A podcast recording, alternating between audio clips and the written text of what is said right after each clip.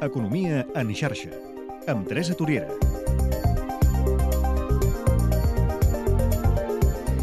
Ara qui saludem és a la Teresa Toriera. Ben tornada, bona tarda. Hola, bona tarda. La Teresa, com ja sabeu, ens porta setmanalment totes aquelles informacions que ha trobat eh, d'interès a, la xarxa. En fa una tria ben acurada. Són eh, tria de temes relacionats amb el món de l'economia i de l'empresa, com sabeu. Eh, la Teresa, que ens ofereix avui? Quin, quin és el plat del dia? Doncs dir? mira, s'està parlant moltíssim a les xarxes, sobretot a nivell internacional, d'aquest flamant Premi Nobel d'Economia, que és de la Universitat de Tolosa de Llenguadoc. Sí. A Le Monde ja han batejat Jean Tirole com el desencriptador dels oligopolis. Veus? Això està relacionat amb, amb tota la seva feina de, de recerca. Ara Per en parlarem, explicar- amb l'Anem al gra, també. Ah, exacte. Per explicar la seva obra he triat un fragment d'un vídeo que ha penjat aquest migdia el diari econòmic francès Les Echos. Si et sembla, l'escoltem. Endavant.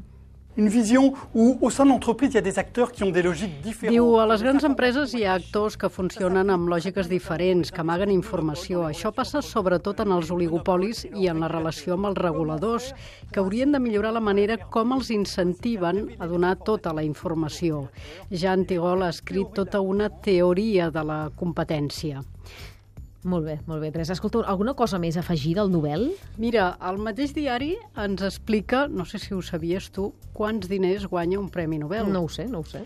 No tinc el doncs gust. eh, es veu que des del 2012, amb la crisi, es va rebaixar un 20% el valor en metàl·lic que reben els Premis Nobel i que és d'uns 8 milions de corones sueques, és a dir, uns 880.000 euros, a més de la medalla que reben el dia de la cerimònia, que és una medalla de, de plata i or de 24 quilats. Però el més important, és clar, és que els premiats tindran el dret a posar el segell de Premi Nobel en els llibres que escriguin o a les conferències que facin a partir d'ara, amb la qual cosa es multiplica el preu del seu temps. Ben curiós, en prenem nota. Què més ens recomanes avui? Mira, un article de la revista nord-americana Fast Company, on un dels cofundadors d'Apple, Steve Wozniak, comparteix amb els lectors nou consells per a empreses que comencen, per resoldre problemes i per ser feliç. Això és molt dels americans. Sí. És un article que, només perquè te'n facis una idea, ha estat retuitejat més de 1.800 vegades. Home, és significatiu. Eh? Quins consells ens dona? Doncs ens mira, quedem? el primer ser curiós, el número dos somiar en gran, dream big, que diuen els americans, i en aquest sentit diu que en una societat av- avançada els enginyers, els matemàtics, els científics no haurien d'estar a l'ombra, sinó que hauria de ser gent reconeguda socialment pels seus coneixements. El consell número 3 de Steve Bosnia, que és esforçar-se per anar una mica al límit, fer coses que no hem fet abans i no quedar-nos en les rutines que ja coneixem.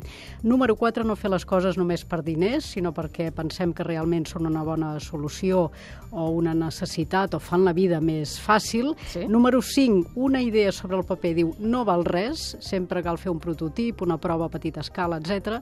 I ens recomana també, per exemple, que ens emportem els problemes no resolts al llit, perquè diu ens els emportem, que, que sí, no? que sí, diu Ah. que és un entorn més relaxat que l'oficina i quan estem a punt de dormir se'ns poden acudir solucions a algun problema que, que tenim.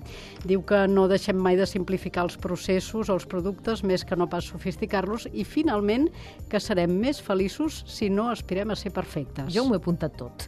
Teresa, Apple també ha fet bullir la xarxa aquests darrers dies per altres temes, oi? Doncs sí, la setmana passada un miler de treballadors de l'empresa Foxconn, que fabrica per Apple a la Xina, van fer una vaga per denunciar les males condicions en les quals treballes i de, en les quals treballen i la xarxa n'anava absolutament plena. I aquesta setmana, paradoxes d'aquest món en què vivim, tothom està pendent a la xarxa dels anuncis de nous productes que farà Apple aquest dijous.